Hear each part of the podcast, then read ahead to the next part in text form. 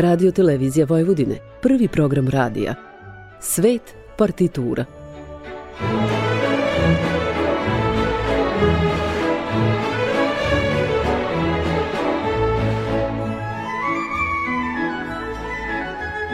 Urednik i voditelj Bogdan Đorđević.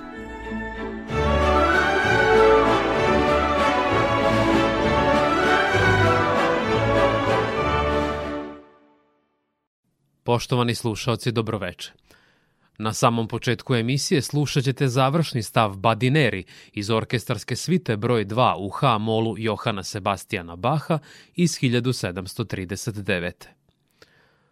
Ova kompozicija nastala je tokom Bahovog trećeg stvaralačkog perioda, koji je započeo preseljenjem u Leipzig, gde je obavljao dužnost glavnog kantora Luteranske crkve Svetog Tome.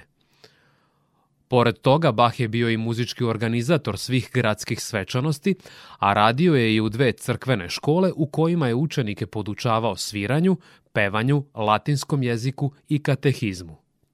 Bio je povremeno angažovan i na aristokratskim dvorovima. S obzirom na to da je nastupao sa kvalitetnim ansamblom Collegium Musicum, zapaženi rezultati nisu mogli izostati. Nažalost, nekolicina njegovih kolega nije mogla sakriti zavist i ljubomoru. Prema nekim izvorima okretali su učenike protiv Baha, potplaćujući ih kako bi bojkotovali predavanja. Johan Sebastian važio je za skromnog i pobožnog čoveka, kuća mu je često bila puna gostiju. Divio se svojim prethodnicima, a posebno je uvažavao istaknute muzičke savremenike – pri stvaranju kompozicija nije vodio brigu o tome ko i kako će ih razumeti ili da li će neko biti sposoban da to delo izvede. Ono o čemu je razmišljao jeste koliko je njegovo delo religiozno, jer je stvarao muziku isključivo u slavu Božiju. A sada ćete poslušati flautistu Emanuela Paija i berlinske barokne soliste koje predvodi dirigent Rainer Kusmaul.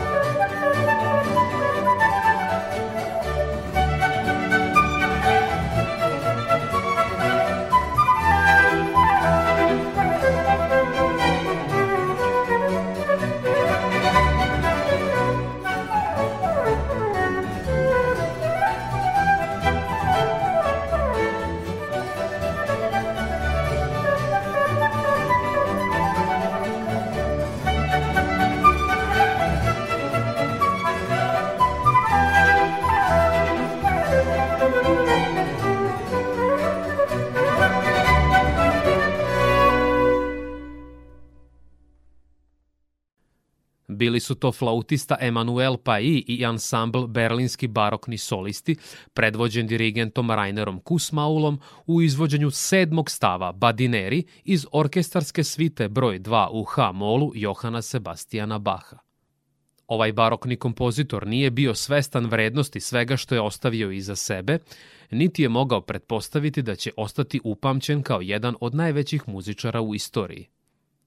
Tokom svog života on nije pridavao značaj popularizaciji svojih dela. Nakon Baha u emisiji Svet partitura na prvom programu Radio Novog Sada slušat ćete prvi stav Allegro Aperto koncerta za violinu i orkestar broj 5 u A-duru Wolfganga Amadeusa Mozarta iz 1775. Pored ljubavi prema muzici, Mozart je voleo i hobije kojima se bavio u slobodno vreme – Sa porodicom je najčešće vikendom i praznicima učestvovao u igranju jedne vrste pikada, zatim i u gađanju iz vazdušnog pištolja i puške. Mete su obično bile istaknute na drvenoj tabli na kojoj su neretko bile naslikane različite figure, odnosno siluete. Ubrzo je mladi kompozitor zavoleo kuglanje, ali i bilijar, koji je u pauzi između sviranja i komponovanja uglavnom igrao sam protiv sebe. U svom domu imao je pravi bilijarski sto, što je za to vreme predstavljalo luksuz. Bilijar se tada uglavnom igra u sporednim prostorijama gostionica i pivara. Vraćamo se sada muzici. U Mozartove razigrane elemente u eksperimentisanju sa zvucima uverit će vas violinista Artur Grimio i Londonski simfonijski orkestar koji predvodi dirigent Sir Colin Davis. Thank you.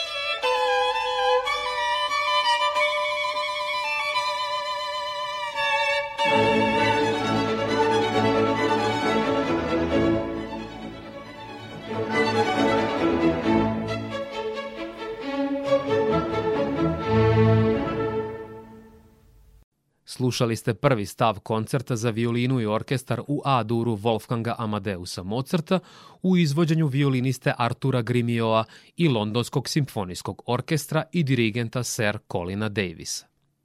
Mozart je zasigurno poznavao veliki broj kartaških igara koje su tada bile popularne. Gubici, dobici ili dugovi nastali za kartaškim stolovima – uglavnom se radilo o veoma visokim iznosima, nisu do danas zabeleženi, te su ostali pod velom tajne. Nastavljamo dalje s muzikom u emisiji Svet partitura na prvom programu radija Radio Televizije Vojvodine. Slušat ćete svitu za klavir Leptiri opus 2 Roberta Šumana iz 1831. Zahvaljujući majici koja je i sama bila muzički izuzetno nadarena, Robert Schumann je već kao sedmogodišnjak pohađao časove klavira i pisao prve kompozicije. S obzirom na to da je rano ostao bez oca, od kojeg je nasledio ljubav prema književnosti, majka i zakonski staratelj odlučili su da uprkos Robertovom velikom talentu za muziku, on mora da izuči nešto solidno i izbor je pao na pravne nauke. Napustio rodni Cvikau i preselio se u Leipzig, a potom i u Heidelberg. Međutim, već u prvim studentskim danima interes i strast prema muzici i literaturi odveo ga je daleko van zidova univerziteta. Redovno je posećivao koncerte i knjižare i malo pomalo studije prava zamenili su časovi klavira. Tada je shvatio da ne može da se bavi ni jednim drugim poslom osim muzikom. Vratio se u Leipzig i opredelio se za život slobodnog umetnika. Šumonove leptire, izvešće pijanista Mari Peraja –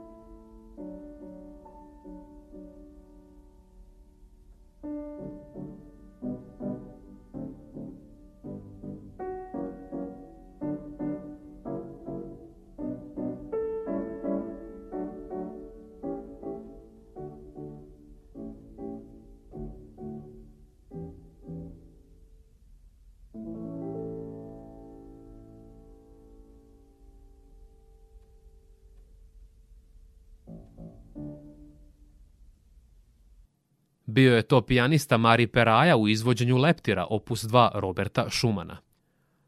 Posećujući salone i udruženja muzičara, Šuman je upoznao istaknutog profesora i pijanistu Richarda Vika, pod čijim će mentorstvom graditi karijeru. Dok je boravio u Švajcarskoj i Italiji, ukazala mu se prilika da čuje slavnog violinistu Nikola Paganinija, čije interpretacije su u njemu pokrenule žeđ ka daljem muzičkom usavršavanju. Vi pratite prvi program radija, radio televizije Vojvodine.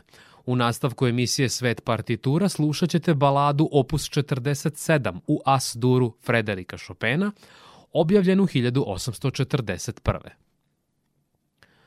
Ovaj slavni poljski kompozitor sa napunjenih 20 godina preselio se u Pariz kako bi napredovao u karijeri i usavršio pijanističke sposobnosti. Tada je održao i veliki broj koncerata – Franz Liszt, Felix Mendelssohn, Robert Schumann, Hector Berlioz, Honore de Balzac bili su samo neki od njegovih tadašnjih prijatelja. Zanimljiv je i podatak da je tokom jednog perioda nosio bradu samo na levoj strani lica, dok je na drugoj, desnoj strani, redovno bio sveže obrijan. On je ovaj kapric pravdao činjenicom da publika gleda samo u jednu njegovu stranu lica dok sedi za klavirom. Danas se Chopin smatra jednim od najznačajnijih kompozitora i pijanista svih vremena. Bio je prvi zapadni romantičar koji je u klasičnu muziku uneo elemente slovenske muzike. Njegove mazurke i poloneze i danas predstavljaju temelj poljske nacionalne muzike. Treća Chopinova balada koju ćete sada imati priliku da čujete najtoplija je i najlirskija od ukupno napisane četiri. Izvodi je istaknuti poljski pijanista Kristijan Cimerman.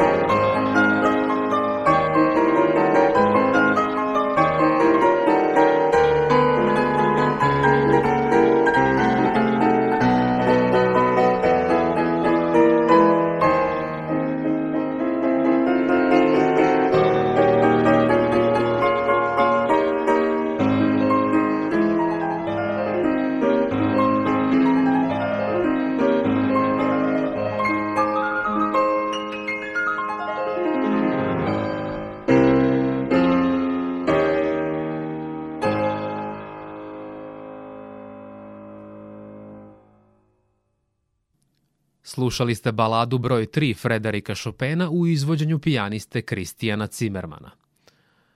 Navešćemo još i podatak da otac ovog slavnog kompozitora nije bio Poljak, nego Francuz, Nikolas Chopin, koji se u Varšavu doselio sa 16 godina kako bi radio kao porodični učitelj francuskog jezika za aristokratsku decu.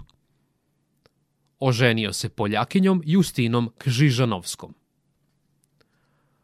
U poslednjem segmentu emisije Svet partitura na prvom programu Radio Novog Sada slušat ćete valcer Priče iz Bečke šume Johana Strausa mlađeg iz 1868.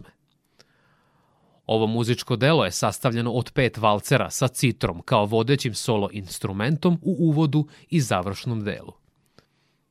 Bečka šuma iz naslova predstavlja kvart ugostiteljskih objekata, mahom pivskih i vinskih vrtova na domak ovog grada, u kojem je zabavna muzika cvetala. U vreme nastanka ovog muzičkog dela sam valcer je odavno prerastao ulogu rustične seoske igre. To se desilo kada se uzdigao od seoskog ucenjeni gospodski ples koji se i danas igra širom sveta. Priče iz Bečke šume su i drama austrijskog književnika Edena von Horvata, koja je bila premijerno izvedena 1931. u Berlinu. Radnja komada prikazuje mladu i naivnu devojku po imenu Marijana, koja raskida veritbu s Mesarevim sinom Oskarom zbog zaljubljenosti u bezobzirnog Skorojevića i Dendija Alfreda. Ona će zbog tog postupka platiti strašnu cenu kada se protiv nje bude okrenula čitava malograđanska okolina. Autor dramskog teksta nastojao je prikazati kako se ispod naizgled idilične slike austrijskog građanskog društva, oličene u istoimenom Štrausovom valceru, kriju provincijalizam i snobizam koji mogu dobiti patološke pojave. Poštovani slušaoci, stigli smo do samog kraja emisije. Moje ime je Bogdan Đorđević i do našeg sledećeg susreta nedeljom posle vesti u 21 čas na talasima prvog programa radija Radio Televizije Vojvodine. Slušat ćete Njujorski filharmonijski orkestar pod dirigentskom palicom Leonarda Bernsteina.